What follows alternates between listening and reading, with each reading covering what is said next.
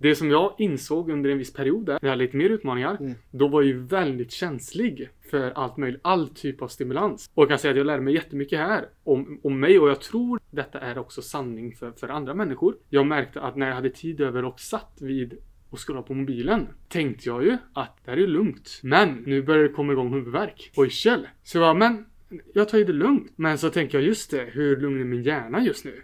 Av att sitta här och Intryck scrolla. på intryck på intryck. Exakt, och jag bara herregud det här har ju aldrig varit energigivande för mig. Någonsin. Det är det folk tror. Folk säger att ja, men jag sitter vid mobilen och jag spelar spelen på mobilen. Alltså vänta lite nu, det där är inte mental avslappning. Nej. Ja, du sitter stilla. Mm. Det kan vi ha, ha, komma överens om. Men din hjärna jobbar. Samma sak, jag tänker jag sitter framför datorn och jobbar på något projekt. Ja, men det här är inte energidrivande. Och så märker jag att huvudvärken kommer. Jag tänker, vad fasen kommer den här? Nej, just det ja. Jag sitter en halv meter från datorn. Jag sitter och fokuserar, tänker, skriver, spänner mig. Okej, det kanske inte var så mycket Mm. avslappning i detta. Så att jag, jag fick ju känna på det extrema. Vilket också fick mig att inse vad är det som får mig att få mer energi? Jo men då kommer vi tillbaka till det här som vi alla är med Ja. komma ut, bara göra ingenting, andningsövningar, bort med elektronik. Inte träning. Träning, ja det kan vara mental avslappning. Det håller jag verkligen med om för att jag kan tänka på något helt annat. Men sanningen är att din kropp är igång. Om Mm. du tränar. Träning är jättebra men det är ju till, till viss nivå i relation till hur mycket återhämtning Ja. du får. Så det var väldigt spännande men också något som jag vill att många ska ta med sig. Att ifrågasätta om det du tror är avslappning. Är det verkligen avslappning? I veckans avsnitt av PLC-podden så är PLCs grundare Jonas Eriksson tillbaka med mig för att dela med sig om hans senaste tid med egna hälsoutmaningar och där jag också delar med mig av mina egna osäkerheter och, och sårbarheter. Så i detta avsnittet så kommer vi gå djuplodande kring just helhetshälsan i den aspekten av vår egna emotionella, mentala och fysiska välmående och att även vi som coacher är inte alls några perfekta varelser som står högt på någon pedestal och har alla svaren till alla de vi coachar. Oftast är det lättare att coacha andra än att coacha oss själva ibland. Och det är svårt ibland att se våra egna blind spots. Så i det här samtalet så går vi djupt och sårbart genom våra egna utmaningar som vi har gått igenom den senaste tiden och öppnar upp helt enkelt för alla er lyssnare att ta del av just våra egna osäkerheter som vi går och bär på precis som du gör. Och jag brukar säga att ju mer personligt vi tror någonting är i vårt liv desto mer är det oftast också universellt för ännu fler människor än vad vi tror. Och när vi öppnar upp kring vad vi har som utmaningar så märker vi ofta att så många fler har exakt samma utmaningar. Så välkommen till det här avsnittet och innan vi går igång med detta så vill jag bara påminna om vårt samarbete med pureness.se. Använder du koden PLC-podden med 2D när du checkar ut deras online-kassa på deras tipptopp sortiment av olika saker för att hjälpa dig att optimera din hälsa så får du 20% rabatt på hela ditt köp. Alltså använd koden PLC-podden med 2D för att få 20% rabatt på hela ditt köp på pureness.se. En sista sak är att jag vill gratulera Emma Mattisson som har vunnit vandringspaketet för två personer, två nätter på Kroppefjäll bed and breakfast värde 3795 kronor. Stort grattis till dig i vinsten av den här tävlingen som vi hade förra veckan. Och för dig som inte vann men ändå kanske vill besöka Kroppefjäll så har de generöst nog upprättat en kod som är PLC när du bokar rum på deras hemsida www.kroppefjall.com så får du 10% rabatt på hela din bokning när du använder koden PLC. Så gör det ifall du vill besöka Kroppefjäll ändå. Och detta är bara en av de många tävlingarna som vi har i samband med podden och vårt nyhetsbrev. Så fortsätt lyssna och håll dig uppdaterad på vår Instagram för att se våra nästa tävlingar där vi lottar ut fina priser. Nu kör vi igång med veckans avsnitt. Hej och välkommen till PLC-podden, podden som förändrar Sveriges syn på hälsa med mig Robin Hallsten och med mig idag återigen Jonas Eriksson. Välkommen! Tackar, tackar. Ännu en gång. Ännu en gång ja. Och tema för idag Jonas, det kommer kanske bli lite sårbart här idag. Det kommer vara lite rått och ärligt och mm. vi kommer prata lite om våra egna utmaningar på vår hälsoresa för att det är så lätt att tro att Eh, man sätter en coach eller någon som är någon form av auktoritet som vi ibland kan vara för andra människor när vi coachar och hjälper andra. Att man sätter folk på en pedestal och tror att ja, men den där personen äter, sover rätt, bajsar rätt, gör allting rätt hela tiden och är totalt fläckfri, perfekt och eh, har inte ens en eh, fläck på sin sol. Och så är det inte i fallet. Eh, så att det är lite det vi tänker prata om idag, just att eh, snacka lite om våra egna utmaningar som vi både kanske haft nyligen men också tidigare också för att hjälpa andra människor att förstå att också utmaningar och saker som känns trögt och känns jobbigt är också del av den mänskliga upplevelsen och vår evolution att bli någonting större. Jag brukar ju tänka att om det är jobbigt just nu så är det inte över än. Alltså att se att det kan vara ibland som jag, jag som är lite mer troende, universum eller Gud, vad man vill, vill tänka på att ibland så får vi inte det livet, det vi vill av livet, utan livet ger oss det vi behöver för att växa och bli starkare och kunna ta ännu mer vikt eller kanske ta ännu mer ansvar och bli en ännu bättre människa och medmänniska och på något sätt skapar utmaningar ett större djup i oss alla som gör att vi kan också möta andra på ett djupare plan i den här världen av dualiteter som vi lever i. Att utan det som är jobbigt så skulle vi aldrig heller veta vad som är skönt eller bra. Så jag tänker vi startar där idag. Um, är det någonting du vill tillägga där Jonas på det som jag Nej men jag vill tillägga det att, att vi lär ju ut um, kring bland annat hur vi hanterar motgångar, mm. utmaningar. Um, och lär ut att det är en del av livet. Men som sagt idag kommer vi också prata lite mer om att så ser det ju även ut för alla, inklusive oss. som inte tror att ah, men det här är bara någonting som vi har läst i en bok. Mm. Om hur man hanterar utmaningar. Utan mm. faktumet är att vi, vi alla går igenom dem. Mm. Kanske mindre utmaningar i perioder, mer utmaningar och tuffare utmaningar i perioder. Mm. Eh, men jag skulle säga att vi är ju också ett team som har, eh, som verkligen suktar efter lärdom i form av det också. Mm. Eh, visst, man kan ju lära sig i form av, av andra förebilder, man kan lära sig av studier, historia och så vidare. Men en av de viktigaste lärdomarna är ju faktiskt om vi lär oss om oss själva längs med vägen. Mm. Så det här är ju lite en, kan jag tänka mig, ett avsnitt både för att lyfta upp det på ytan. Mm. Eh, men också som du sa, att vi alla är mänskliga. Och se hur kan vi faktiskt ta det som anses vara motgångar i stunden. Mm. Kan kanske vara våra största lärdomar. Mm. Och det som, som du sa, behövde hända. Mm. För att växa framåt. Ja, exakt. För att det visar ju oftast när vi ställs inför utmaningar oavsett om det är i vår hälsa eller i relation med någon annan så är det något som ställs på sin spets, någonting som vi når en avgrund på där vi inte kan fortsätta vidare för att det tär för mycket på vår, vårt mentala eller fysiska kropp eller vår, vår andliga, vår andliga varelse på något sätt. Um, och uh, vad vill jag säga med det? Jo, att um, det är så otroligt viktigt att man kan inte bara läsa sig till information och lära sig och bli en bra lärare eller coach eller guide. Utan det måste ske någon form av um, utbildning eller någon form av att få den livskunskapen själv.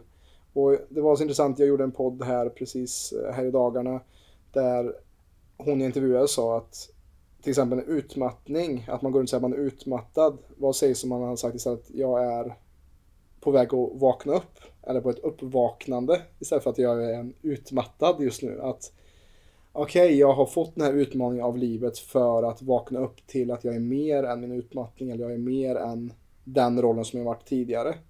Som jag ser också ibland, och jag tror Jim Carrey säger det, att ibland så är det inte när folk är suicida att man vill göra slut på sitt liv, utan det är att man vill göra slut av den karaktären som man skapat i sitt liv för att skapa någonting större.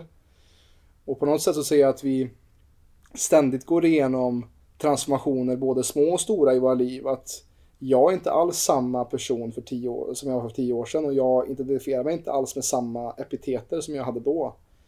Eh, men jag har ju ändå samma fysiska kropp, men så mycket har skett och på något sätt så, så ser jag inte att vi dör bara en gång i livet, utan vi dör och föds på nytt i stort sett ja, i, i, i cykler på cykler på cykler. Eh, och om man kan skörda ut den visdomen från varje utmaning så kan man skapa ett väldigt förstärkt liv. Om man inte gör det och inte lyckas snappa upp de här visdomen och lärdomarna i de här lektionerna vi får så kan det ju vara istället att man hamnar i en sorts offermentalitet eller en offerkofta där livet hände mot mig. Men som Tony Robbins säger att vad, vad, tänk om det skulle vara så att livet inte händer mot dig utan det händer för dig, för din evolution, för att du ska lära dig. Ehm, och som jag ser också, de främsta som jag följer idag och de största guiderna, coacherna, det är oftast de som också har varit med om värst skit och alkemiserat det till någonting större och skapat också syfte och varför i det som har skett eh, och varför det har skett. Alltså hur man pratar om sig själv eh, kring det som har skett. Jo, och jag håller med dig i det också Robin. Och mm. det som jag hörde för um, några månader sedan var det en, en mentor eller en förebild som jag ser upp till. Som nämnde det här med att idag vill kanske folk ha vissa karaktärsdrag. Eh, som till exempel om jag är disciplinerad eller jag är fokuserad eller jag är ambitiös mm. eller jag är eh, vad det nu är. Ehm, men då är frågan om man nu ska skapa den här typen av personen med de här karaktärsdragen eller egenskaperna om vi kallar det så.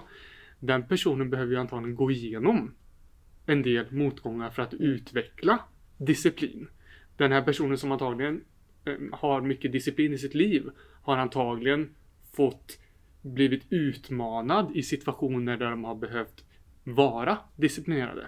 Samma sak om de vill säga att folk har svårt för att hålla sig ehm, eh, Ja, det kan vara allt från ärliga. Ehm, en sån sak. Att man känner att att man har blivit utsatt eller varit i situationer där man har inte betett sig enligt den personen man vill vara. Och av de situationerna har man lärt sig att nu vill jag bli mer av den personen. Så det innebär ju att om vi vill bli en viss person, vare sig vi pratar om hälsa, om vi pratar om egenskaper, så behöver vi på något sätt ändå gå igenom det själva. Mm. Det går inte bara att läsa i en bok mm. hur man ska vara.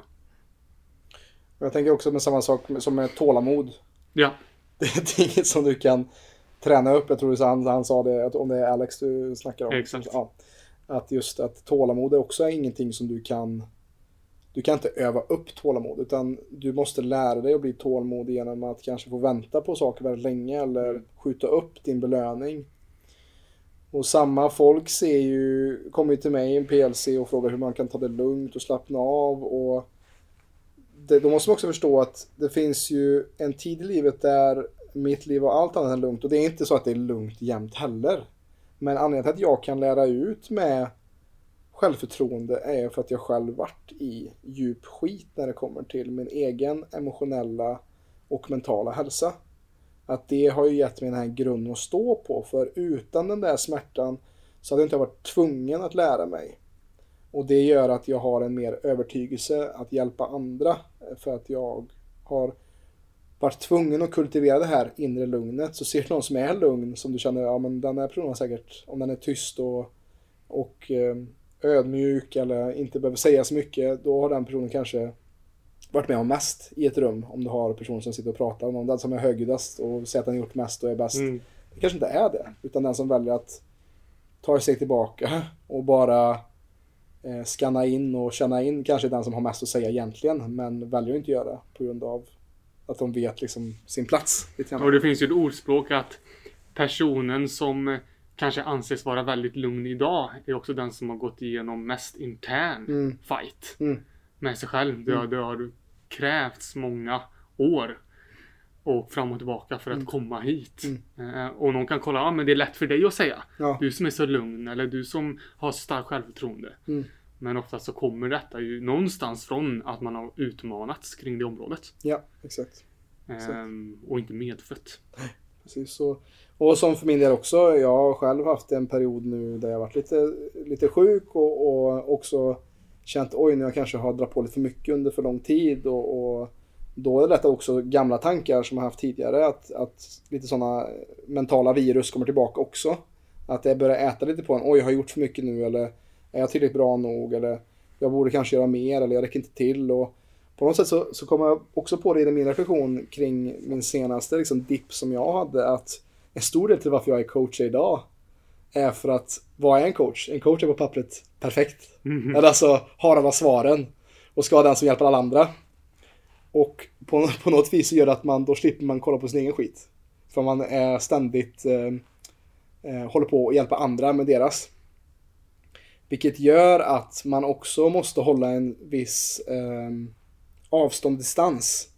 Vilket gör att man kanske inte låter sig själv ta emot och att vara sårbar. Det har jag i alla fall känt själv att, att jag blir den här som alltid ska ha svar på saker och ting. När ibland kanske man behöver bara lyssna eller bara vara.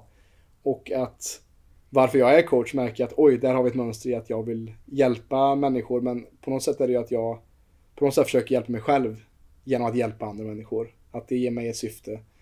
Eh, Jag vet inte vad du tänker kring den rollen som du har också, om du känner likadant eller vad, vad tänker du där med att man är själv den som oftast har svaren? Mm, vad tänker du där? Jo, men jag känner att man, man är ju den som coach då ehm, i vårt yrke. Då är man i den positionen att man ska ha svar. Ja. eh, Vanligtvis. Och det är ju klart att det, men det är win-win för, för oss alla, Mm. anser jag. Att jag lär mig jättemycket av att lära ut. Mm. Då jag faktiskt säger att jag får en, en spontan fråga av en kollega eller av en kund. Mm. Och då får jag faktiskt bevisa för mig själv om jag kan detta. Om jag kan ge verktyg, om jag kan hjälpa personen.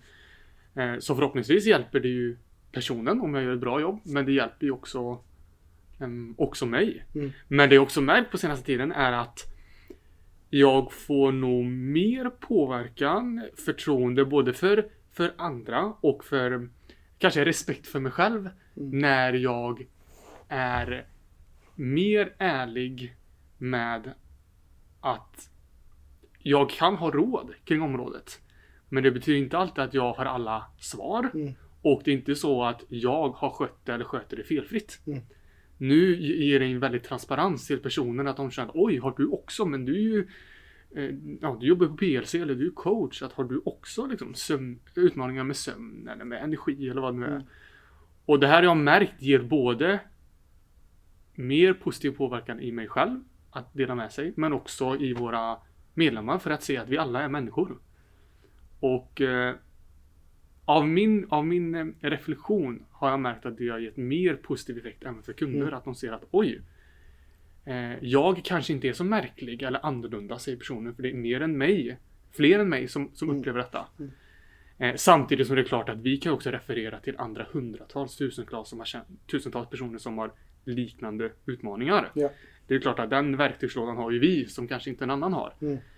Men ehm, just det här med att vara transparent tror jag skapar mer respekt och förtroende för både mig själv och för andra.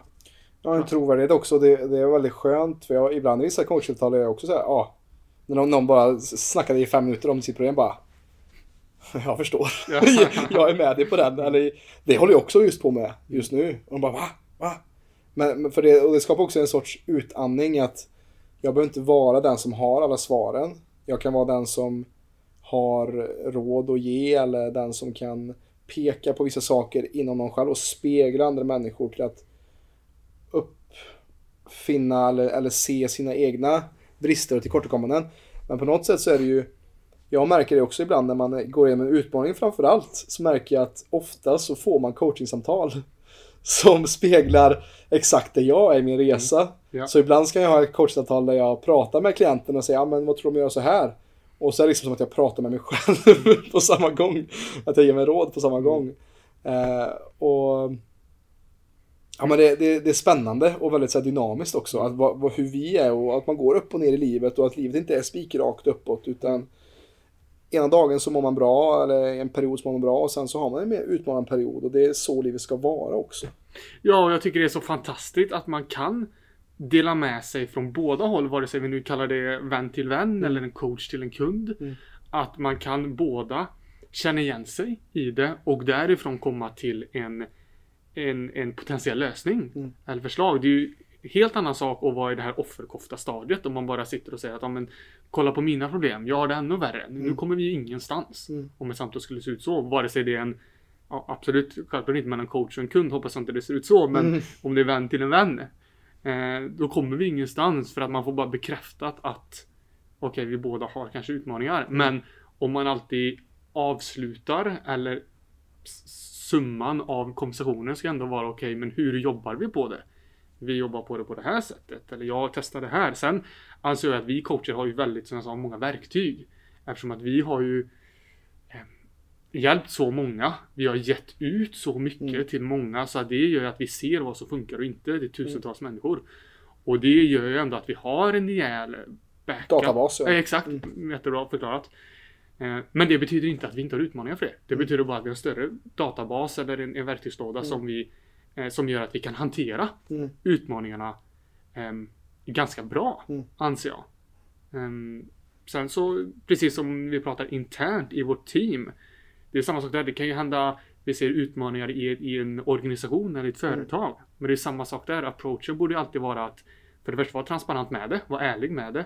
Och därefter se, okej, men vad gör vi åt det? Och det kan låta jättesimpelt när jag nämner det så här. Men folks, personer som inte är coachningsbara. Det är kanske de då som oftast inte blir medlemmar hos oss, de som stannar innan. Eh, de är ännu inte redo ehm, för att faktiskt öppna upp och få vägledning utifrån. Mm. Ehm, så där ser vi tyvärr att många ska jag säga, hälsoresor inte ens kommer igång. Mm.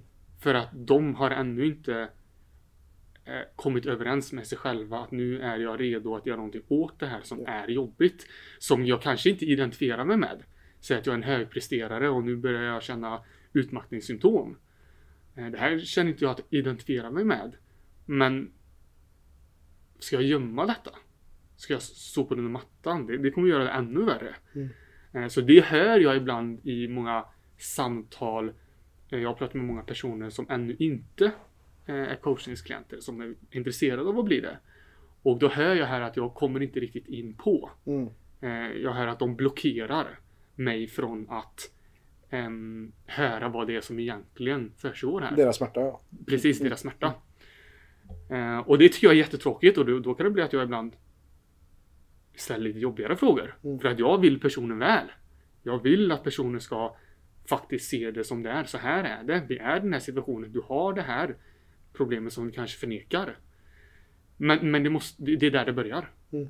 Om, vi inte, om vi inte accepterar det så kommer vi aldrig någonsin komma vidare. Ja. Eh, och det ska jag säga oavsett problem Mm. eller utmaning. Ja, absolut. Och om vi backar bak lite bandet Jonas för dig ett par månader. Um, så stötte du ju också på lite, lite motgångar och lite utmaningar med att du fick lite symptom. Kan du berätta lite vad som skedde och vad, vad du ser så här i efterhand också har ehm, varit faktorer som har drivit dig till, till den utmaningen som du var i där? Absolut, absolut. Och jag kan börja med att berätta mm, när det här startade. Mm. Eh, Så kan jag ta er både framåt och vad som grundar sig till att det Mm. hände. Eh, Och det var så här att eh, i slutet av februari var det 2023 här. Så um, en helt vanlig dag var det. Jag var och tränade mitt på dagen. Ehm, Började känna mig väldigt yr. Mitt under det här träningspasset gjorde jag. Jag var också väldigt trött den dagen, kommer jag ihåg. Mm. Eh, Den dagen innan jag ens gick till gymmet. Att jag, jag drog mig själv till, till träningen, gjorde jag.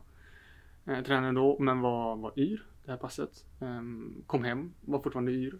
Ehm, ont i huvudet resten av dagen, svårt att sova den natten. Ehm, och den här ischen och huvudvärken fortsatte en dag till. Konstant. Två dagar, tre dagar. Och höll på så här. Um, I alla fall upp mot en två veckor. Jag ihåg. Och då började jag ju Då började jag reagera. Desto fler dagar på rad. Mm. Desto mer började jag reagera att vad, vad är det här? Det här har jag aldrig någonsin varit med om innan. Ja, jag har haft ganska ofta huvudvärk. Jag har en en, en ungdom eller en barndom av, av barnmigrän. Mm. Har jag haft. Det, så jag kunde känna igen ändå känslan av den huvudvärken men inte två veckor konstant i rad. Det, då visste jag att, och jag som, som hälsocoach här då. Jobbar med folk som är utbrända, ja. utmattade. Ja. Så jag, det här var ju rejäla varningssignaler. Ja. Ehm, och det ledde mig till att eh, verkligen ifrågasätta eh, väldigt mycket. Mm. Allt från mitt jobb, hur jag spenderar min tid, jag, hur jag prioriterar min sömn, ehm, hur jag tränar, allting, skärmar, liksom allting i princip. Vem jag spenderar tid med, vem tar energi, vad tar energi och så vidare. För jag märkte att det, det är någonting här som orsakar detta. Och till en början så kan då, som jag kände igen mig i många andra, var just det här att från första veckan, kanske på två veckor, då var jag nog i en rejäl eh, förnekelse. Mm. Att eh, det här är nog, ja men det är något, det är något fel. Det går över. Det går över, ja. Det, det är någonting i min... Jag hade en skadad axel vid det tillfället. Så jag sa det är nog på grund av axeln eller det Mm. är... jag är stel i höften eller det, jag har sovit lite lite. Mm. Och, och alla de sakerna stämde. Men det var som att jag försökte få det som att det, det, det är därför. Mm. Och sen kan man ju se alla fysiska symptom som man får är ju ofta ett för kroppen att säga hej hej. Lyssna här nu för nu, nu smäller axeln, nu smäller höften. Det är dags att sakta ner här. Precis, och det, det, de första veckorna tror jag inte jag ville, jag tror inte jag ville se det. Mm. Att det, att det hade att göra med något, att det har varit många saker på rad här. Eh, Men när jag väl började grotta detta och försökte att så här, så här vill jag inte leva. Jag kan ju knappt, jag kommer ihåg att ett tag kunde jag knappt sitta vid datorn. Mm. För att jag mm, kunde inte fokusera, jag fick ont i huvudet. Eh, Och kände att det här är ju inga bra symptom här. Och jag känner igen de här symptomen i många andra eh, som vi hjälper. Och det första jag gjorde då var att reflektera bakåt. Och då gick jag tillbaka och frågade vad, vad kan detta, detta bero på? Och då började jag ju addera ihop saker i mitt förflutna här. Vi kollar en, två, tre år tillbaka. Eh, som exempel, eh, till exempel att som du precis nämnde, här, att jag hade en axel som jag hade skadat rejält. Det var bara några månader sedan innan detta. Sen har jag haft problem med ryggen i, eh, i två år. Ett diskbråck har jag haft som jag har haft har hållit på och bråkat med. Eh, sen har jag haft en sömn som jag inte riktigt har eh, prioriterat så mycket som jag ska. Eh, för jag, precis som många andra, tänker att äh, jag behöver inte. Andra behöver mer sömn men jag, jag är ostoppbar. Jag behöver inte Ja. 7-8 timmar utan jag nöjer mig med 6. Bara, bara jag kan undvika naturens Ja, ja. cykler och rytmer. Så, så det här börjar jag se i efterhand här. Jag börjar nästan skratta åt det vet, i efterhand. och, eh, och sen har jag haft regelbundet huvudvärk. Mm. Haft regelbundet. Och eh, jag kommer ihåg att folk har påpekat det. Att liksom, ja, men det är inte bra att du har huvudvärk. Nu var det andra gången den här veckan. Tidigare då. Men jag tänkte att äh, det är bara att jag sitter vid skärmar och jag, Mm. fast jag kör på. Ehm, sen började jag också reflektera kring min träning som jag sa att jag i alla fall tränat. Jag tror jag snittar, jag är nog på någon typ av träningscenter i alla fall en 10-11 gånger i veckan. Är jag. Eh, och det här har jag gjort för att ehm, jag själv har trott att jag mår bra av det. Mm. Och nu, nu ska jag säga också att jag är också en som verkligen älskar den träningen som jag gör. Eh, för att själva att vara i den stunden. Eh, men jag har också sett hur allt det här har ackumulerats. Till att okej, det kanske är så att kroppen nu börjar säga ifrån. Mm. Eh, bägaren rinner över, som man säger. Och eh, ja, när jag börjar eh, addera ihop alla de här sakerna så börjar jag inse att okej, nu, nu Jonas börjar du känna många av symptomen. Du kan kolla bakåt och se att mycket tyder på att eh, det här är någon typ av utmattningstecken, symptom, syndrom, vad man nu vill kalla det. Och ehm, och det var fortfarande jobbigt. Att, att jag var fast, jag är coach och jag, jag är grundare av, av tre företag och har liksom fullt upp. Jag, jag har inte tid med sånt här. Mm. Jag har inte tid Jag har att... inte tid med hälsa. Nej, jag, jag, har inte- jag har inte tid att sakta ner. Har jag inte. Nej, Eh, jag måste vara på topp, jag måste ha energi, jag Ja. måste träna och så vidare. Det var ju det som gick i min hjärna. Mm. Mm. Och det tog nog alltid några veckor till innan jag började inse att, att eh, Okej Jonas, nu du, du behöver förändra ditt Mm. liv.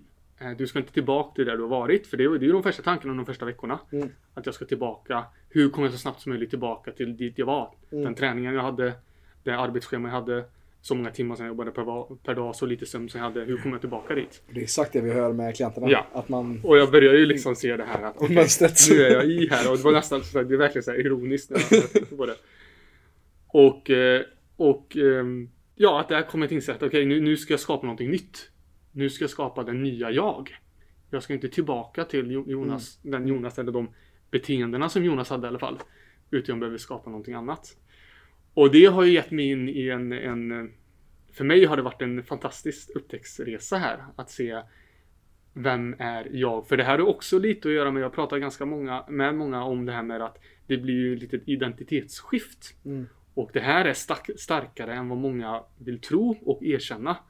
När man märker att min kropp och mina förutsättningar nu tyder mot att jag inte kan behålla samma identitet. Jag kan inte behålla den här att jobba 12-13 timmar om dagen, att jag alltid presterar, att jag alltid har energi och så vidare. Jag tränar så här många gånger. Då märkte att eh, okej, eh, det jobbiga i det här skiftet var ju att en av, en av det jobbigaste var, en- en av de jobbiga sakerna var att jag behövde skifta identitet här. Från Mm. att gå från att jag var den personen till att vem är jag nu? Och det är ju en skrämmande känsla. Ehm, och det vet jag både personligen men också i väldigt många klienter att de känner att det här var ju jättejobbigt. Att fråga vem är jag nu när jag inte är eh, den här personen som klarade av det här eller gjorde så eller agerade på det sättet. Exakt, och jag tänker också det att den identitetsskiftet sker också i att ofta så då kanske slutar man med saker som varit jättekul, som har gett en ett socialt samhörighet och umgänge. Till exempel att man kanske varit på gymmet mycket, eller man kanske, vad vet jag, håller på med crossfit, eller man, man har kanske haft, eh, jag snackade med någon som hade hund, som hade blivit av med sin hund och så hade man, tappade man hela den kretsen av. Så, så att det är så också så viktigt att se att eh, mycket tas ifrån oss också när vi slutar. Men det är också som vi sa här i inledningen att ibland så behöver vi ta bort saker i livet för att andra saker ska kunna komma in och spira och växa. Verkligen. Och det var i den också sitsen som jag tror jag gjorde en... ehm, eh, en jag fick en insikt. Eh, och jag tänkte jag skulle bolla den lite med det här Mm, Robin. mm. Att eh, jag tror att vi människor lever två liv. Det första livet är när vi tror att vi är ostoppbara. Mm. Och det andra livet är när vi inser att vi inte är det. Mhm. Alltså att vi, jag tror vi alla eh, kommer, om vi inte har redan eh, kommit till den gränsen att man känner att jag, jag är ostoppbar. Vare sig det är fysiskt, om det är jobbmässigt, karriärmässigt, emotionellt, vad det än är. Man tänker att fasen jag, jag, jag är undantaget. Mm. Jag fixar det mesta. Kolla som, som, som, som barn, de har väldigt, väldigt stora drömmar. Och det anser jag att det ska man ha. Men när man märker det så här, man blir att man jobbar mot de drömmarna men samtidigt får en del em, tecken på att du tar inte riktigt hand om dig själv, vilket är lätt hänt eftersom man har familj kan folk ha, det är jobb, det ska vara, finnas pengar och så vidare. Mm. Så man, hälsan kommer oftast i sista, i sista fall. Ehm, och när man väl kommer till den insikten att okej, jag är inte ostoppbar, jag, även jag kan få en del utmaningar och, och begränsningar som jag inte vill ha. Alltså som jag inte riktigt vill acceptera. Mm. Då bör man ju skifta till att inse att okej, jag är inte ostoppbar. Men den stora frågan tror jag är eh, det är om insikten mellan de här skiftena om den gör dig starkare eller om den gör dig svagare. Mm. Och vad jag menar med det är att jag pratar också med så många som försöker leva kvar i samma ehm, ehm, Samma hjulspår. samma ljusspår, det man identifierar sig med som tidigare, samma beteenden. Eh, De försöker liksom hålla fast i det. Mm. Samtidigt som de redan har fått bevis på att din kropp och din, ditt sinne, din hjärna, ditt hjärta klarar inte detta. Nej. Så de kör på. Så jag kanske pratar med personen 15 år senare och hör att du håller fortfarande kvar i det första livet. Där du tror att du ska klara allt. Mm. Eller du tror att det, det ska bara funka. Och ännu inte insett att det andra livet är där du faktiskt börjar lära dig mer om dig själv. Ja. Du börjar inse, du börjar lära dig, okej vad får jag mer och mindre energi av? Vad mår jag bättre och sämre av? Och så vidare. Ehm, Och på grund av det tror jag att jag eh, på väldigt kort tid, nu är vi i maj här, är vi. Eh, och det var i februari detta hände för mig, i slutet av februari. Och väldigt mycket har hänt i min kropp, min energi, betydligt mycket mindre symptom och så vidare. På grund av, tror jag, att jag var öppen för att, att ändra. Mm. Och inse faktumet att så här är det, jag behöver göra en förändring. Det betyder inte att jag agerar perfekt för det. Eh, vi alla har våra utmaningar som vi säger. Men eh, jag tror att när folk inte gör den insikten att Mm. nu behöver jag skapa en ny person som, som där jag tar mer hand om mig själv, lyssnar på min kropp, mitt sinne, min energi. Ehm, om jag inte gör det så tror jag att de här symptomen kommer bli väldigt svåra att bli av med oavsett vilken coachning du får. Mm, mm. För att det är liksom bara som, det är kryddan i coachingen. Alltså det, kan ju, det ska ju hjälpa dig men om du håller fast med någonting. Det är lite som en sån här fotboja. Alltså du är fortfarande fast, eh, du håller kvar i ditt gamla liv eller din gamla identitet. Hej allihopa! Jonas här. Då jag vet att många i samhället upplever utmaningar kring sin hälsa men inte riktigt fått hjälpen de behöver så har jag lagt upp ett kostnadsfritt webbinar för dig som inte är medlem. I detta webbinar kommer jag prata om vanliga grundorsaker bakom konstant trötthet, låg energi, sömnsvårigheter, magbesvär och värk. Och du kommer även få mer info om hur vi på PLC jobbar för att åtgärda detta. Du hittar mer info om webbinariet i beskrivningen till detta avsnittet. Men med det sagt så tackar jag för mig. Tillbaka till dig Robin. Ja, alltså coachingen i sig, eller som du säger, att, att vara coachbar som du sa tidigare. Vi kan ju bara hjälpa någon som vill bli hjälpt. Um, och vad du, ja, det mest extrema exemplet som jag varit med om under tiden på PLC här, det var att jag hade ett, ett uppstartssamtal med en för, det kanske var två år sedan. Och det var så sjukt, hon hade alla de här klassiska, så här, dricker mig kaffe och vatten, sover typ fyra timmar om dagen. Ehm, äter knappt mat Mm. och så bara hade hon den helgen sprungit ett maraton. Och det är så sjukt att se hur hur eh, tjurskalliga vi kan vara med att inte verkligen lyssna. Jag vet att det tog väldigt lång tid för den här personen också att vända just att se att oj, jag behöver faktiskt lyssna mer här för att jag sover dåligt för att jag tränar för mycket eller och man har en identitet att man är löpare eller vad det nu kan vara. Ehm, och jag ser också att ehm, som vi också fortfarande är relativt unga män. Alltså man tänkte att när man var 20 tänkte man att man, var- man är vuxen. Men jag börjar känna nu när jag precis fyllt 31 att nu börjar jag faktiskt bli vuxen på riktigt. Man inser att vi fortfarande är unga män och det här också, det är så typiskt med den yang-energin som man fast har i den här tiden av livet. Att det är liksom den här krigarenergin innan man kliver in i kanske den visa mannen eller kungen. Ja, om man kollar arketypiskt på, man går från barnet till krigaren till till, till och med en kung, för nu, nu håller vi på att skapa vårt kungadöme med att bygga vårt inre imperium eller företagsmässigt eller så. Och där är vi båda på den, den vägen. Och där tycker jag det är så intressant med, det finns en bok som heter King, Magician, Warrior, Lover. Som är skriven av Robert Moore, tror jag han heter. Som handlar just om, framförallt om det maskulina psyket. Och där finns det just den här arketypen av just krigaren. Och, och, och en balanserad krigare, han vet liksom när han ska köra hårt men också vet när han ska ta det lugnt. Men på varsin sida, om man kan se de här arketyperna som pyramider, att på toppen har du det här optimala uttrycket av den här arketypen, men på varsin sida så har du eh, skuggaspekter av detta i vårt psyke. Och en av de skuggaspekterna där är hjälten. Alltså den här hjälten som alltid ska rädda alla och allting och vara den perfekta och du vet ha energi till allting. Som inte inser att jag har faktiskt begränsningar. Alltså den, det är lite den här hjälten som offrar sig in i allt och ska banne mig dra ner varenda drake på sin väg. Eh, och där kan jag se oss båda i den att vi kan lätt hamna i den energin att man, man vill göra så mycket. Man, man, man har så mycket energi och man har så mycket eh, inspiration till att hjälpa och förändra. Men som vi brukar snacka om den här cirkeln också, de här tre cirklarna, att jaget, viet och alla. Att eh, ibland så kanske vi ligger för mycket i att vi ska hjälpa vi eller alla för oss själva. Att vi glömmer bort att oj, jag måste också ta emot, jag måste också eh, få coaching eller jag måste också bli omhändertagen, jag måste också gå på ett yogapass där någon annan leder och inte bara jag leder. Eh, för annars så brinner jag ut. Annars så, så bränner jag veken ifrån båda ändar och, och man fastnar där.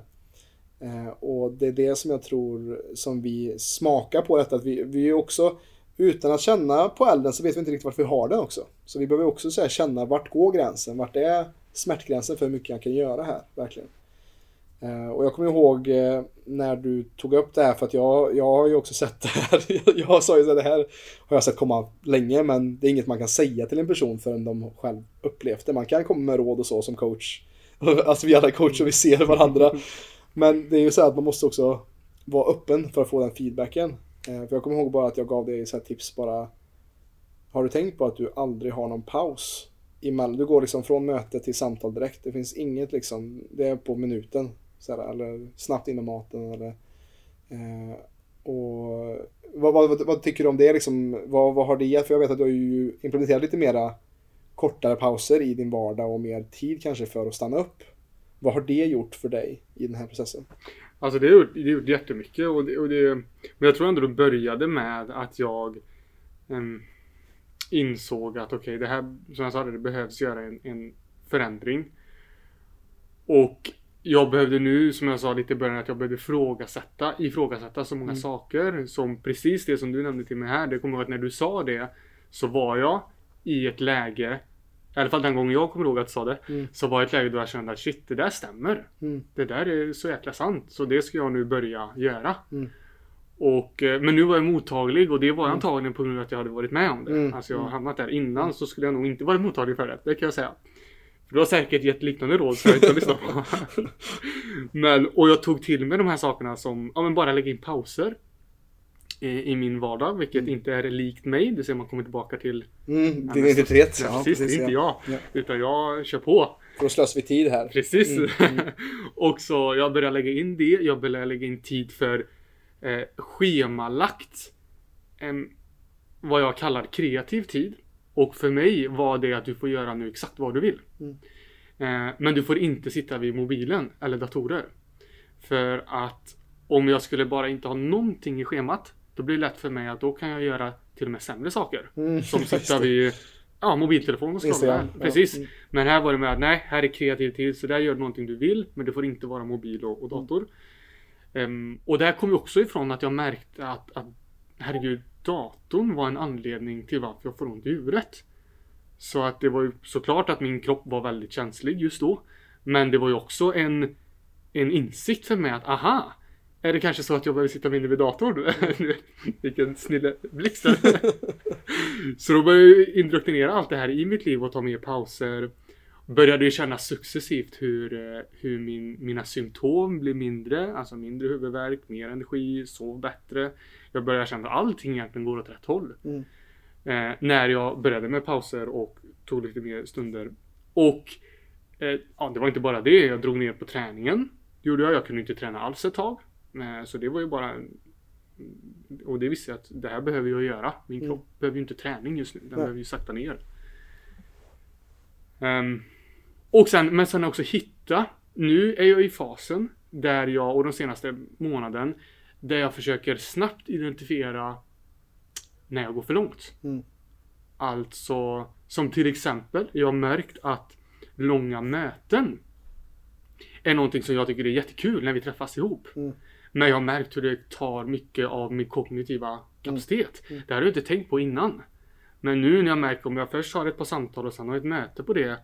Nu vet jag, det här är inte hållbart. Och det är inte så konstigt för att det är så mycket av din hjärna och din kropp och ditt, allting som du använder till exempel i ett fysiskt möte. Det är mycket stimulans. Är det ju.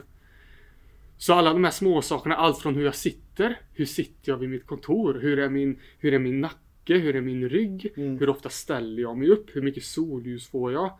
Alltså det var så mycket som jag började ifrågasätta och säga att oj, det här har jag inte tänkt på. Eller jag mm. visste det, men jag behöver mycket mer av det. Mm. Eh, för jag anser mig själv länge varit en hälsosam person. Jag tänker liksom på um, Jag vill optimera min sömn. Jag tänker på rörelse, jag tänker på mat, jag tänker på det här med andningen. Jag tänker på till viss del avslappning. Mm. Men inte till den nivån som min kropp behövde. För att jag hade så mycket output. Ja. Blev det. Och det får mig att tänka på Jag tror du såg den kommentaren. Vi fick en kommentar på vår Facebook-sida för inte så länge sedan. Någon som skrev att Jag hade en föreläsning just om utmattning och utbrändhet. Så var det någon som skrev att ah, men jag jobbar inte så jag kan inte bli utbränd. Ja, ja, ja, Och jag tänkte, ah, Ja. det är lite de här eh, tankarna vi har kring utbrändhet, att det kommer bara från jobb. Och det är klart att många blir utbrända för att det är mycket strul, problem, eh, energin kan ta mycket, eller jobbet kan ta mycket Mm. av ens energi. Mm. Men varför vi hamnar i de här situationerna där vi känner att kroppen säger ifrån via olika symptom är ju för att det är mer output än input. Ja. Om du vill ha det enkla svaret på vad utbrändhet är så är det att det är du har blivit mer output än input under en längre period. Ja. Eh, sen kan ju vissa saker vara väldigt dränerande. Som man kanske inte tänker på. Som en, en, em, en relation som gnager. Eller eh, som sagt lite någon, någon, eh, någon timma mindre sömn varje natt. Mm. Så folk tänker äh, det är ingen fara. Men att, adderar du alla de här sakerna så um, till slut så ser dina dagar ut så att du har betydligt mycket mer output än input och till slut så, så säger kroppen ifrån. Ja. Och som ni, jag vet att du och Viktor brukar säga ofta det här att det börjar med en fjäder. Mhm. Tror ni säger? Du får gärna Mm. göra den jämförelsen. Ja, men precis. Ofta så, så... Jag tror ju på en högre intelligens, absolut. Vad vad som man kallar Gud eller universum. Eller, det finns alltid någonting. Det finns något som guidar oss. Det är jag 100% jag i alla fall övertygad om. Och att när vi inte är på vår själs resa eller på, på den i, i linje helt enkelt. När vi inte är i linje med vad vi ska vara här för att göra. Eh, då, det är då vi oftast kommer in i utmattning eller utbrändhet. För att vi inte är på den platsen där vi ska skina, där vi är ämnade att vara. Och när vi, inte, när vi börjar gå av den vägen, när vi börjar tumma på, på saker kring vår hälsa eller när vi blir mer stressade så kommer det först i ja, lite huvudvärk. Det kommer som en liten fjäder. Eh, som liksom kanske bara så här lite, lite pillemariskt nuddar dig bak i nacken. Och så bara, ah, men vad, vad är det här? Ah, nej, men det är nog ingenting. Och så fortsätter man. Och sen så, sen så kanske man får en käftsmäll eller en tegelsten i ansiktet och bara oj shit, nu small det till i ryggen här, jag fick ett ryggskott eller jag fick ett knäproblem, jag kanske borde springa mindre i veckan. Jag borde kanske sakta ner mer, det är någonting som försöker kommunicera med mig här. Så bara, ah fast lite Voltaren, lite Alvedon. Jag har ju det här loppet om, eh, om någon månad som jag måste vara i bra form till. Och lyssnar man inte på det, så brukar jag säga, då, då kommer inte bara en tegelsten till, utan då kommer en hel långtradare med tegelstenar bak Eh, och bara häller det rätt över dig så att livet säger till att, hörru du, jag kommer fjädern, jag kommer käftsmällen i den här tegelstenen, du lyssnar inte. Nu behöver vi ta det jäkligt lugnt. Alltså det blir en sån, vi har legat på så mycket output så att vi blir, vår kropp stänger av för att den fysiskt inte kan klara av det. Det är därför en utbrändhet kan vara en av de bästa välsignelserna du kan få i ditt liv. För att hade du fortsatt hade du kanske fått en hjärtattack eller dött. Och då stänger kroppen av istället.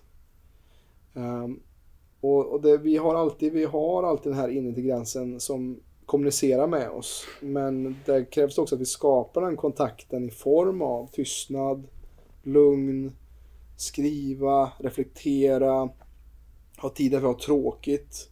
Där vi inte bara fyller på, som du säger, man har möten, man ska vara effektiv. Och många tänker att ah, men får jag vara in så mycket som möjligt på den här dagen så kommer jag liksom komma längre fram på min resa. Men jag tror ju mer, ju äldre och visare jag blir, desto mer inser jag att ju mer jag faktiskt också lägger in tid för återhämtning och avslappning i min varje, varje dag desto mer spänner jag också bågen. Jag, jag kan dra den ännu längre bak.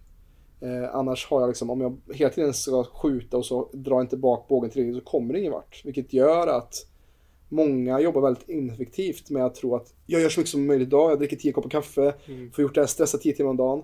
Man kanske får gjort mycket den dagen, men vad kostar det dig i, för det långa loppet? Om du sen fem år senare får en utmattning som tar 10 år för dig att ta dig ur, då har du ju absolut inte tjänat in någon tid alls, utan då har du tappat massa värdefull tid av utveckling.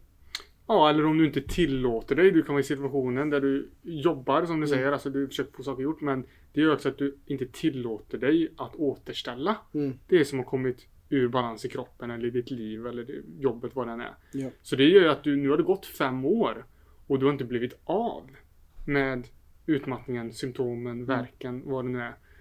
Så att ja, det blir ju en kortvarig stimulans Mm. av att tänka att jag hann med. Ja. Eller jag fixade loppet eller jag klarade av vandringen eller vad det nu som man har liksom som mål framför sig.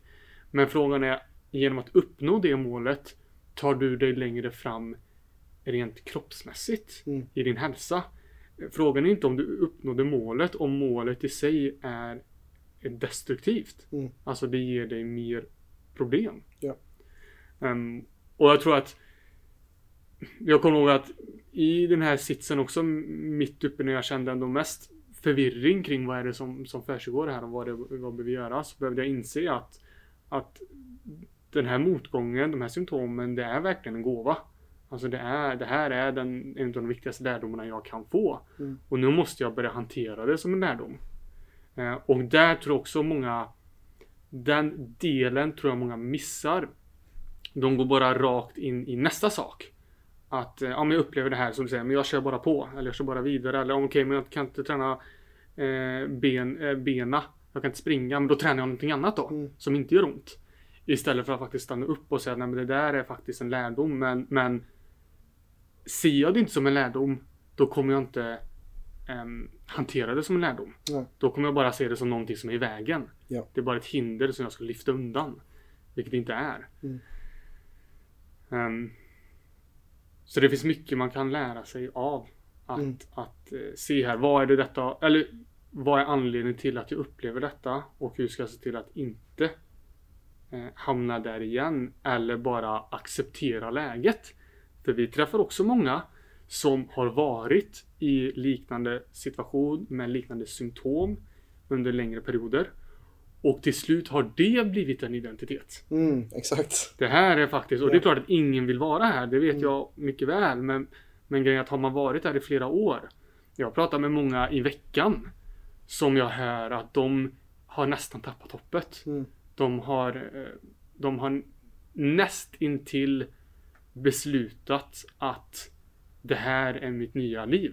Jag är begränsad. Jag kommer aldrig kunna ha ork. Jag kommer inte kunna Mm. somna, sova. Eh, Jag kommer inte kunna klara det här och det här.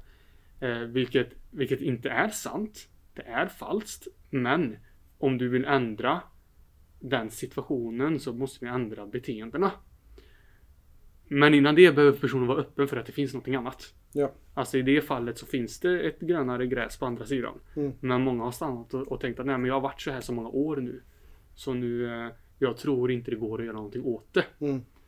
Och, och Ehm, det kan ju få mig att tända till lite extra för att jag vill den här personen väl. Jag, jag, jag, jag vill verkligen inte ehm, acceptera, eller jag vill inte att den personen ska acceptera att det här är allt vad livet har att erbjuda.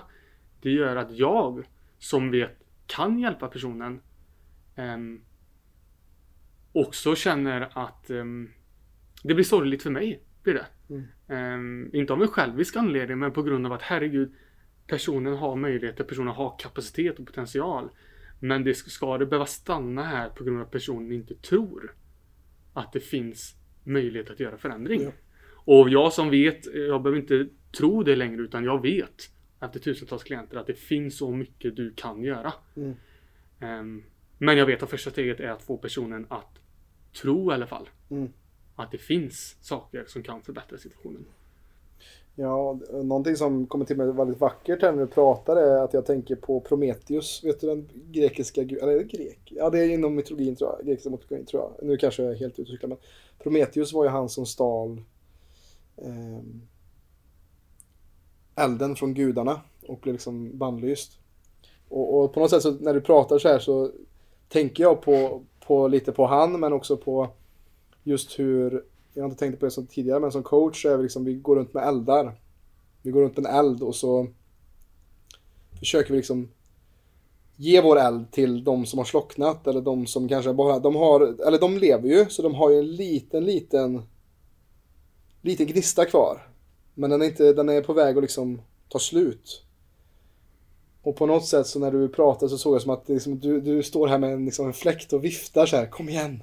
Kom igen, du, du har den här stora elden inom Ja. dig. Jag vet det. Mm. Jag vet att du har det. Och det är det som är så vackert med att vara coach också. Att, att få se människor utvecklas och resa sig. Eh, Men det är också, som du säger, ibland kan det vara väldigt svårt med någon som har kravlat i skiten i 20-30 år. Eller har varit i, som en pingpongboll i vården och, och aldrig blivit riktigt lyssnad på och bara fått mediciner efter tio minuter och prata med en läkare. Så att det, jag förstår att det är tufft liksom. Men att vad vackert det är att, att kunna dela med sig av sin eld på så sätt att man, för som jag ser, de, de som hjälpte mig, till exempel när jag mådde som sämst när jag var i mina tonår. Det är så kul idag när jag är ute och spelar gång och, och ibland så kommer de på mina event. Att de som gav mig behandlingar när jag mådde som sämst, de kan jag ge tillbaka nu. För att de visade mig min inre eld. De visade mig, de fick mig att få min gnista liksom Mm spraka lite mer och, och tro på att det finns en eld inom dig. Um, för jag fastnar ju själv i det. Jag är väldigt så här, eldig som person. Jag har en vädur framförallt också som är liksom ett eldtecken i, inom astrologin. Jag som tycker om astrologi. Uh, och att som jag själv har haft under också PCs resa. Du vet ju det själv att jag kan ha jätteeffektiv och jätteproduktiv och sen så kan jag ha stunder där jag liksom tappar min gnista lite grann. Där jag blir självkritisk, jag ser inte alls vad, alla de saker som jag har gjort och tänker att jag gör för lite eller jag inte, kanske, kanske den känner mig att jag är till bra för att vara med i teamet ibland. För att jag känner att ja, men, jag, är, jag är liksom en, en, eh, så att säga, jag är ett skämt eller jag är... Jag är inte hemma här. Jag är inte hemma här.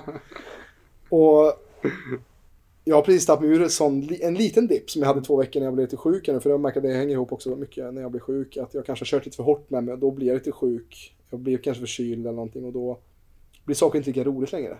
För att, att göra saker när man är sjuk, det är inte kul.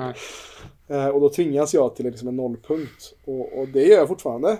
Även fast jag jobbar med coaching och jag jobbar med, jag är själscoachen som ska hjälpa folk att slappna av. Och, men jag har också väldigt många järn i elden och jag vill ge väldigt mycket men jag inser att min, mitt tillkortakommande ibland är att jag vill ge för mycket. Och att jag inte tillåter mig själv vara sårbar och ta emot tillräckligt. Att jag är ständigt den som ska vara den som har svaren, den som håller liksom det stoiska och det hjälper människor.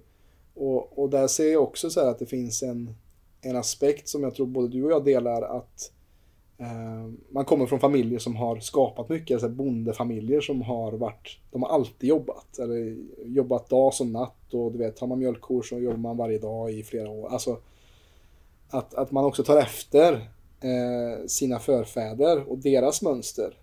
Eh, även fast jag har brutit mig loss från familjeföretaget som, som jag jobbade på i flera år så har jag lite tagit med mig den mentaliteten av att ja, man ska jobba, man ska slita, det ska liksom vara mycket och man ska man, ska, man kan inte ta det lugnt. Eller så här, vem du tar lugnt eller vad, slapp, du, du, du. Har du en hel lördag fri här? Du, du är lat här nu. Pappa, det var lite roligt, min pappa sa det här om veckan så här bara, vad gör du egentligen? För han vet inte här, exakt vad jag gör. Han vet att jag jobbar som coach, men alltså att jag jobbar online och, Ja. och så. Eh, Men så han bara, lallar du bara runt eller? Ehm, och det kan jag ju säga att jag inte gör, men det kan lätt bli så ibland att jag inte inser hur mycket jag faktiskt skapar och gör. eh, Och skapar för andra människor. Att jag också faktiskt behöver ta, som i det här fyra doktorsystemet som vi har i, i PLC som vi också lär ut. Eh, Dr. Diet, Dr. Quiet, Dr. Movement och Dr. Happiness. Där ser ju jag att den läkaren som jag missar ofta är Dr. Happiness. Att bara ta tid för, ja men som du sa, så här, schemalagd tid för att bara vara kreativ och bara tillåta sig själv att vara. Mm. Att det behöver inte ha en agenda, att det måste bli någonting eller det måste leda att man hjälper någon. Utan också bara, vad gör jag som bara är för mig? Och det gör ju också när man jobbar mycket att man kanske gör mindre tid för vänner och familj också. Alltså att man, man är så i det här kreativa och vill skapa för andra men det är lätt att jag själv kan glömma bort mig själv i den processen. Och det är viktigt att, att påpeka det och för de som lyssnar att, att, att se oss inte som några, som några som har alla svaren. Tvärtom, utan jag är på, på ett upp, en uppvakningsresa genom hela livet tror jag. Att inse vad, vad jag är här för att göra. och det är det som är så spännande med livet. Att, eh, att ständigt eh, komma på sig själv att shit, här har jag bullshitat mig själv. Eller här behöver jag ta det lugnt. Eller här trivs jag inte med mig själv. Och, och det är då den här fjädern kommer, eller den här tegelstenen. Och, och gör att den, den är där för att hjälpa oss att rikta om energin. Att komma mer in i balans och harmoni med oss själva. Den är där för att förstöra. Den är där för att hjälpa oss. Och det, det är verkligen Det är verkligen det den är där för. Det Mm. är för att hjälpa dig, rikta dig Mm. i rätt riktning. Mm. Eh, för livet är ju en, en konstant upplevelse av eh, mindre och mer problem. Mm. Konstant. Men kan vi se problem och utmaningar verkligen som att det här är någon, något eller någon som behöver, som försöker visa mig att vända mig åt ett annat håll eller lyssna lite mer noga. Och har man den inställningen, nu blir ju mer livet nästan som en, som en bok. Mm. Alltså en lärobok, att det finns så mycket jag kan lära. Jag vet inte hur mycket jag lär mig varje vecka. Av att bara ref- reflektera, observera saker i mig själv. Jag behöver inte alltid ha en bok för att lära mig någonting. Men kan jag faktiskt lyssna på vad som hände? Åh, vad kom för tankar nu? Åh, vad fick jag ont i höften här? Varför kände jag energi av detta? Mm. Du ser nu, jag lär mig konstant. Men personer som har stängt av den och tänkt att att eh, nej men jag bara tar mig igenom dagarna eller jag lär mig bara om någon lär mig någonting. Mm. Men jag säger nej, det är inte de viktigaste lärdomarna. Den, den viktigaste lärdomen är reflektionen Mm. som du gör. Och om vi konstant reflekterar eh, och ser och möter livets utmaningar med uppskattning. Det här är svårt för många. Mm. Men att faktiskt se att tack för den utmaningen. Mm. Jättesvårt i stunden, jag Mm. vet om det.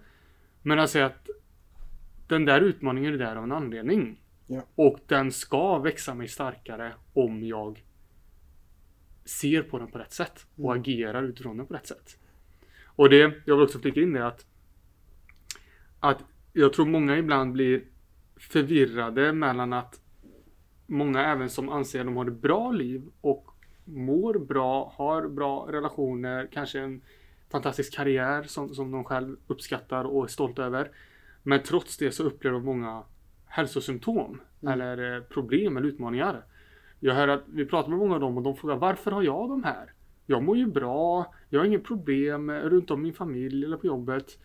Men grejen är att det är skillnad på saker som är givande och saker som tar energi. Mm. Det är två helt olika saker. Alltså det kan vara givande. Jag kan tycka det är givande att sitta i ett möte som jag berättade om förut. Mm. Det är jättegivande. Mycket stimulans. Vi kommer fram till saker. Vi, vi kommer närmre våra mål. Jättestimulerande och givande. Men sanningen är att det tar Mm. jättemycket mental och kognitiv energi av mig. Ja. Och det här måste ju balanseras och även om jag gör roliga saker under min dag så är ju frågan hur många av de här roliga sakerna som du gillar ehm, faktiskt tar energi av dig. Mm. Och det tror jag också var en stor anledning till varför jag hamnade där jag hamnade till slut. För att jag anser att mitt liv är, är fantastiskt. Jag, jag anser att mina dagar är någonting som jag själv har skapat. Nu, nästan, nu får jag leva eh, dagar som jag en gång drömde om. Just det. Men det gör ju också att jag vill göra mer av det. Jag vill bara, jag vill Mm. göra mer, mer påverkan, jag vill jobba mer, jag vill skapa mer. Och det är givande. Men jag är inte odödlig. Nej. Alltså jag är inte ostoppbar utan grejen är att allt det jag gör är inte energigivande. Mm. Så då behöver jag ju separera på, okej jag behöver göra saker som rent ut sagt ger mig energi som vi kallar work-in. Ja. Alltså vad ger mig tillbaka energi? Och då behöver jag ju i det här fallet eh, stund för reflektion. Jag behöver bara slappna av, komma ut och gå, sätta mig i en bastu. Eh, bara kolla på någon film ibland. Det är såna här Ja, saker. bara tillåter det. För att det, jag kan också fastna i att jag har inte Netflix och man så bara... Mm. Men ibland så hamnar jag istället då framför Instagram. Eller så här, man, man, det blir en sån här skuggsida av det också. Mm. Att man tillåter sig själv inte ha kul eller för man... Allt ska vara utveckling och allt ska vara skapande. Det är det jag kan hamna i just med personliga utvecklingen. Att det blir en så här inre självkritik att oj, den här tiden ska jag kunna lagt på att lyssna på en ljudbok eller du vet. Alltså, eh, och det är en liten förbannelse på något sätt Mm. också. Att man ständigt är... eh, Man är ständigt på på något sätt. Mm. Och det, det är lite intressant att du säger att det som jag insåg under en viss period där, där jag mådde, jag hade lite mer utmaningar, Mm. då var jag ju väldigt känslig Mm. för allt möjligt, all typ av stimulans. Mm. Och jag kan säga att jag lärde mig jättemycket här om, om mig och jag tror detta, ehm, och jag säger tror här för jag har inget bevis på detta, jag tror att detta är också sanning för, för andra människor. Som till exempel att jag märkte att när jag hade tid över och satt vid och scrollade på mobilen eh, tänkte jag ju att det här är ju lugnt. Mm. Men nu börjar det komma igång huvudvärk Mm. och yrsel. Så jag bara, men jag tar ju det lugnt. Mm. Men så tänker jag just det, hur lugn är min hjärna just nu? Av att sitta här och Intryck scrolla. på intryck på intryck. Exakt, och jag bara Herregud, det här har ju aldrig varit energigivande för mig. Mm. Någonsin. Mm. Det är det folk tror. Folk säger att ja, men jag sitter vid mobilen och jag spelar spelen på mobilen. Alltså vänta lite nu, det där är inte mental avslappning. Nej. Ja, du sitter stilla. Mm. Det kan vi ha, ha, komma överens om. Eller hålla med om. Mm. Men din hjärna jobbar. Samma sak, jag tänker jag sitter framför datorn och jobbar på något projekt. Ja, men det här är inte energidrivande. Och så märker jag att huvudvärken kommer. Mm. Jag tänker, vad fasen kommer den här? Nej, just det ja. Mm. Jag sitter en halv meter från datorn. Jag sitter och fokuserar, tänker, skriver, spänner mig. Okej, det kanske inte var så mycket Mm. avslappning i detta. Så att jag, jag fick ju känna på det extrema. Vilket också fick mig att inse vad är det som får mig att få mer energi? Jo men då kommer vi tillbaka till det här som vi alla är med Ja. komma ut, bara göra ingenting, andningsövningar, bort med all elektronik. Eh, inte träning. Träning, ja det kan vara mental avslappning. Det håller jag verkligen med om för att jag kan tänka på något helt annat. Men sanningen är att din kropp är igång om Mm. du tränar. Träning är jättebra men det är till, till viss nivå i, i, i relation till hur mycket återhämtning Ja. du får. Ja. Så det var väldigt spännande men också något som jag vill att många ska ta med sig. Att ifrågasätta om det du, det du tror är avslappning. Är det verkligen avslappning? Mm. Både fysiskt och mentalt. Mm. Eh, för nu börjar du lära dig om dig. Nu säger jag inte att, att du är exakt som mig. Men ifrågasätt i alla fall. Och det gör det lite spännande. Mm. Tycker jag att, ah, som jag vet att du jobbar mycket med din, allt från qigong och gong, de här delarna som du känner mycket Mm. av eh, personligen och som du också ser i människor. Ja. Eh, är ett väldigt effektivt sätt att få folk att verkligen Komma till nollpunkt ja. komma till nollpunkt. Ja, Folk, vilket, folk inser ju inte hur stressade de är. Att, att deras, om man säger på en skala 0 till 10 så inser folk inte att man är på 7 i stressnivå jämt. nej, de tror att Men man har, man har gjort typ 6-7 normalt. Mm. Och så kommer man till mig och så bara "Åh, Ja, Vad hände? Så, här, oj, det här har jag inte känt på. Oj, jag, min andning eller jag kan känna min kropp. Och det här som nu, du- det är ju en sån gåva att du fick det här också för att det, det skapar ju en finkänslighet i dig. Att du tidigare såg det inte och kände hur mycket det faktiskt påverkade ditt, ditt mentala sinne med scrollande till exempel. Eh, och det här är ju en av mina laster. Alltså jag fastnar så mycket framför framförallt Instagram faktiskt. Där jag försöker jobba på att så här, medvetet ska jag verkligen gå in och kolla här. Ska jag verkligen lägga en halvtimme här nu på att bara scrolla på reels. Mm. Eh, Så att, eh, det, det är ett av mina, en av mina grejer som jag jobbar på just nu.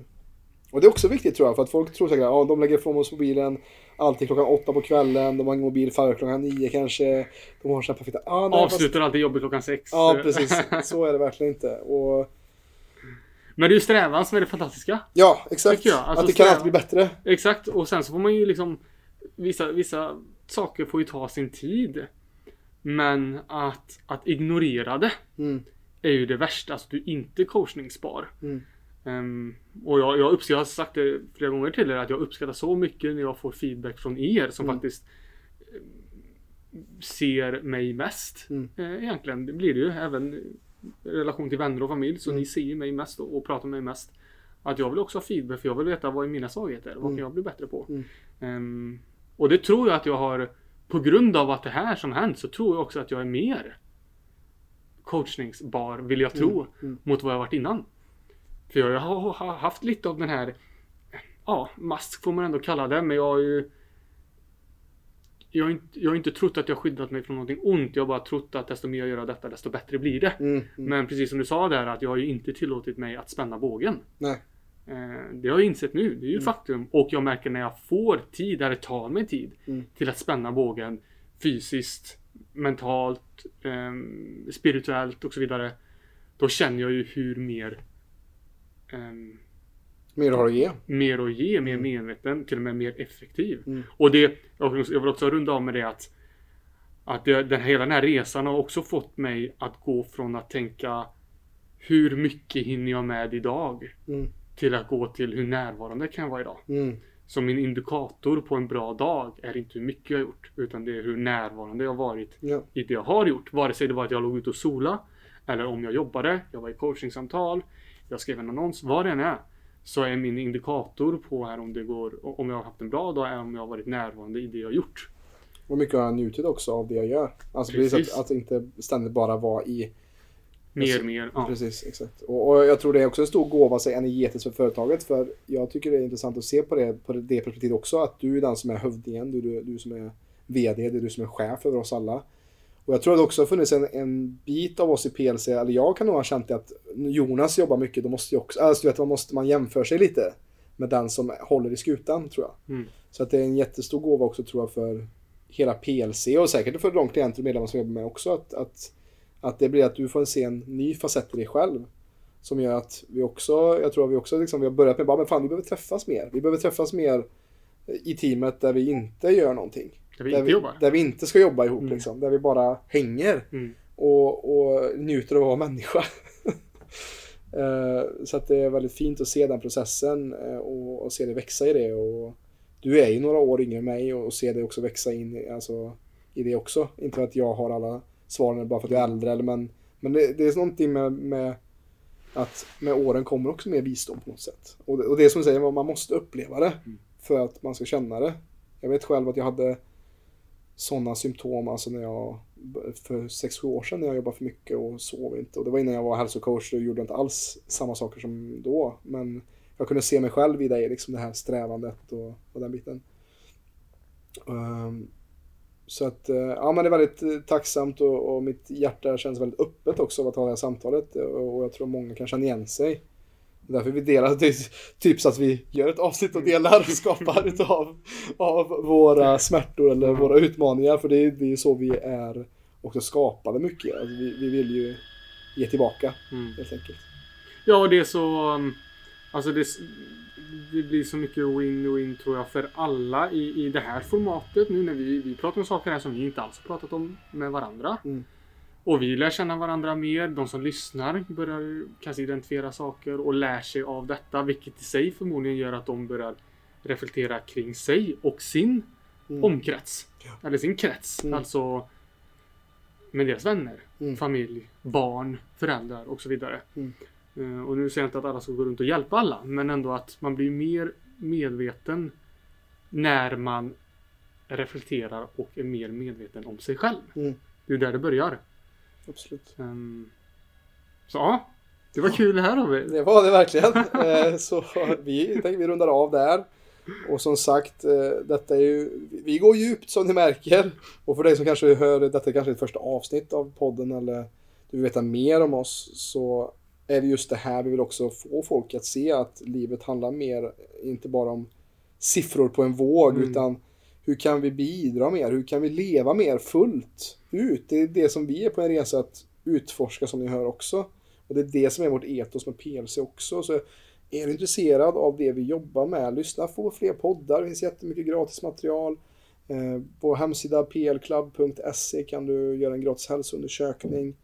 Vi har webbinar där vi har eh, där Jonas kommer hjälpa till att hjälpa folk just med grundorsaker till utmattning och Mm. utbrändhet som kan hjälpa dig att få mer balans. Så kika in i de länkarna som vi har här i avsnittet så kanske, kanske vi hörs i ett coachingsamtal längre fram, vem vet.